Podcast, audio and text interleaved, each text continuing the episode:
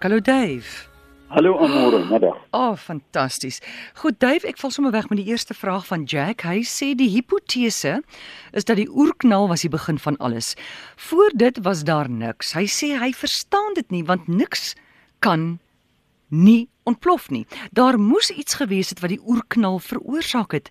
Wat was daardie iets en hoe lank gelede was dit? Hoe lank gelede is die maklike antwoord dit is baie maklik om te sê dit was iets wat oor uh, eh, 13 miljard jaar gelede. Uh, en en en dit was 13.7 miljard jaar gelede. Maar kom ons begin by die begin. Nou die oerknal het ontstaan uit niks, maar saam met die oerknal het tyd ontstaan. Met ander woorde, ons kan geen kommentaar lewer oor voor die oerklang nie want daar is nie tyd betrokke nie. Die ding wat ons kan meet nie.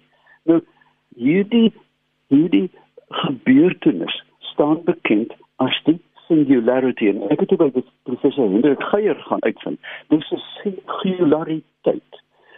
Met ander woorde daar was 'n punt van onmeetbare digtheid in die donker.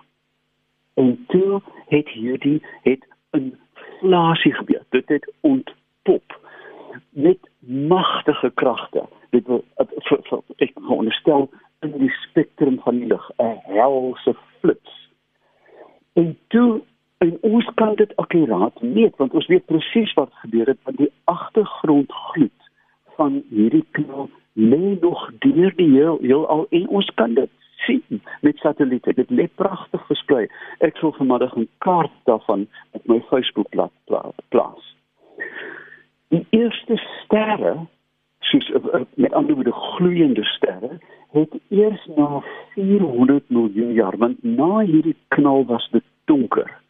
En toe begin partikels wat nou versprei was deur die knal saamkook en toe begin sterre ontwikkel. Maar uh, die die die groot sterre groepe soos ons in soos die Melkweg het eers baie lank daarna halfpad na nou toe begin ontwikkel.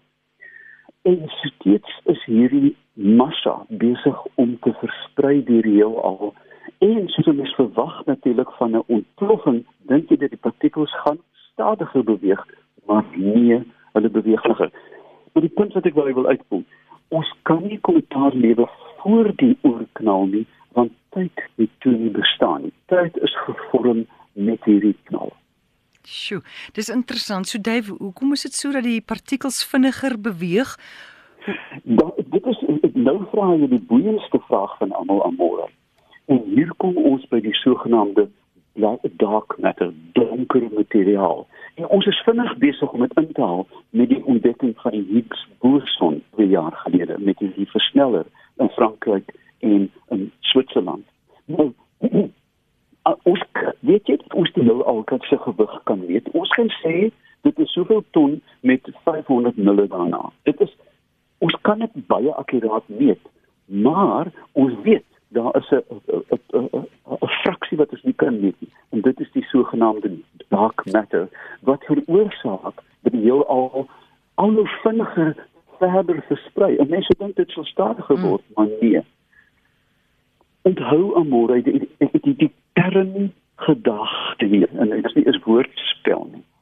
Is dat die wetenskap is gesistematiseerde kennis. Dit wat ons weet. Is dit nie 'n mooi woord nie, mm. wetenskap? En die wetenskap is selfregulerend. Met ander woorde, dit beteken as daar kolle is wat ons nie van weet nie of daar verkeerde inligting is, vang ons dit gedurig. En dit maak dit so elegante filosofie dat dit heeltyd aangepas word. En daagliks, veral nou met met nuwe tegnologie, met nuwe satelliete, kom ons kruip ons al nader aan die oorknal. Ons kan byna daar sien en volgende jaar met die James Webb teleskoop gaan ons tot binne etlike miljoene jare kan terugkyk na hierdie gebeurtenis. Maar die sleutelgedagte is ons kan nie kommentaar lewer voor dit nie want tyd het nie bestaan nie. En dit is half moeilik om daai te snap van jy kan nie kommentaar nie want tyd het nie bestaan nie. Jy kan jouself nie indink nie. Ons kan dit nie indink nie. En, en, en dit is natuurlik weet jy hier is 'n pragtige anekdote. Een van die grootste wetenskaplikes in hierdie gebied Edward Witten sit voor sy rekenaar en maak sommetjies soos ons nou maar almal maak. En hy, sy kommentaar is die volgende: Wat ek sien voor my is reg en elegant want ons weet ons soos musiek dat die wiskunde elegant is. Hy sê maar ek het nie woorde om die vreemdheid daarvan te beskryf nie. Met ander woorde, mm. ons moet parallel met hierdie bevindinge 'n nuwe taal uitdink om dit te beskryf. En dis hoekom ons dit nie kan verstaan nie, want die woorde daarvoor bestaan nog nie. En jy dit indink. Jo, mens kan amper nie. Goed. Ja. Dave, tweede vraag hier. Uh, El Russell wil weet, as een soort slang, byvoorbeeld 'n boomslang, 'n ander soort, byvoorbeeld 'n pofadderpik of 'n ja. knoppie spinnekop, 'n sakspinnekop byt, sal dit doodgaan of benadeel word? O ja, eh, eh, kyk, daar is slange wat spesifiek net ander slange eet en die groot Indiese kobra. Jy weet daai een wat met die met die kaal mannetjie met die fluit so uh, uit sy mandjie uitklim? Ja. Hulle vreet hoofsaaklik ander slange en hulle gif is dodelik vir daai slange. Hulle gif is wel nie dodelik vir eie soorte as een kobra 'n ander pik, dan sal hulle nie iets oorkom nie. Maar gewis die die die gif het ontwikkel deur evolusie of as jy dit glo geskape dat dit 'n baie spesifieke doel het en en en fyne uitgewerk is vir die spesifieke prooi.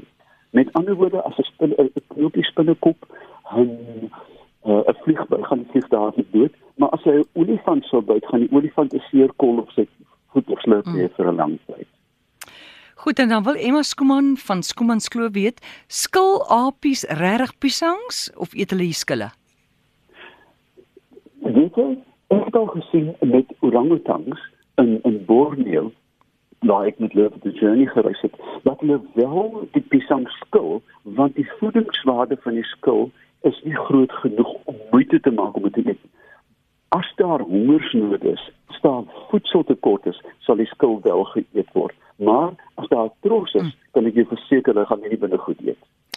Dave, ek moet jou groet. Dit was nou kort, maar kragtig. Maar, Ja, ek kan net een vraag vra. Ja. Ek het ingeskakel op julle program knap na 3 en ehm um, Marieta het gesê net na 05:30 buite in my kop af. Ek is totaal in die donker en ek vra om verskoning as ek iets verkeerd gedoen het. Hoorie so nee, jy herinner my nou aan iets. Wag, wag, wag.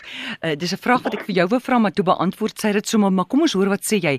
Ek wil by jou weet, hoekom is dit dat as 'n mens 'n potensiële skeet het, dat hier in, in die nag uh, vererger die simptome, sê maar 'n pyn of 'n uh, hoes? Ja, ja, wat sê jy? Dit is 'n um, die mens het wat bekend staan as 'n circadian rhythm. Ja. Met ander woorde daar is 'n ritme van van hormoonaktiwiteit. As jy wakker word, is daar spulhormone.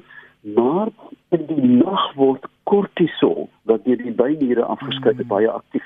En dit gee natuurlik dan die wit bloedselle die tyd om hulle werk te doen, want hulle het nie ander werk om te doen. As jy rond beweeg, en as jy as jy beweeg as jy fiks, maar as jy begin lê en in slaap ingaan en veral in REM slaap, rapid eye movement slaap, dan word kortisol vrygestel en um, dan dan begin die geveg teen teen infeksies. Maar so, dit is dit is suiwer hormonaal. Maar mense dink dat kortisol wat 'n streshormoon is, mos deur die dag afgeskei word liewer want Ja, hy word afgeskei wanneer benodig.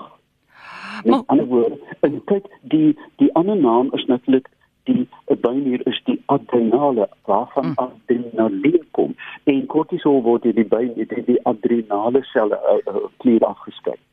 So, dit het dit het, het net te maak met die ritme van afskeiding van hormone wat in die nag meer effektief teen infeksie werk. Gits, so dan jou lyf besig om homself te gesond gesond te maak. Is dit wat jy my sê? Slaap jouself gesond amore en dit is hoekom die hele nuwe beweging is. Ek het begin dit begin met daai vriende van Huffington van die Huffington Post. Mm. Um wat ek weet nie, moet dit 12 ure nag slaap en sy lyk soos 'n dink substance, maar ek dit werk nie vir my nie. nie vir my, okay. Dave, baie dankie. Ons praat weer volgende week. Tot volgende week. Lekker aan. Totsiens,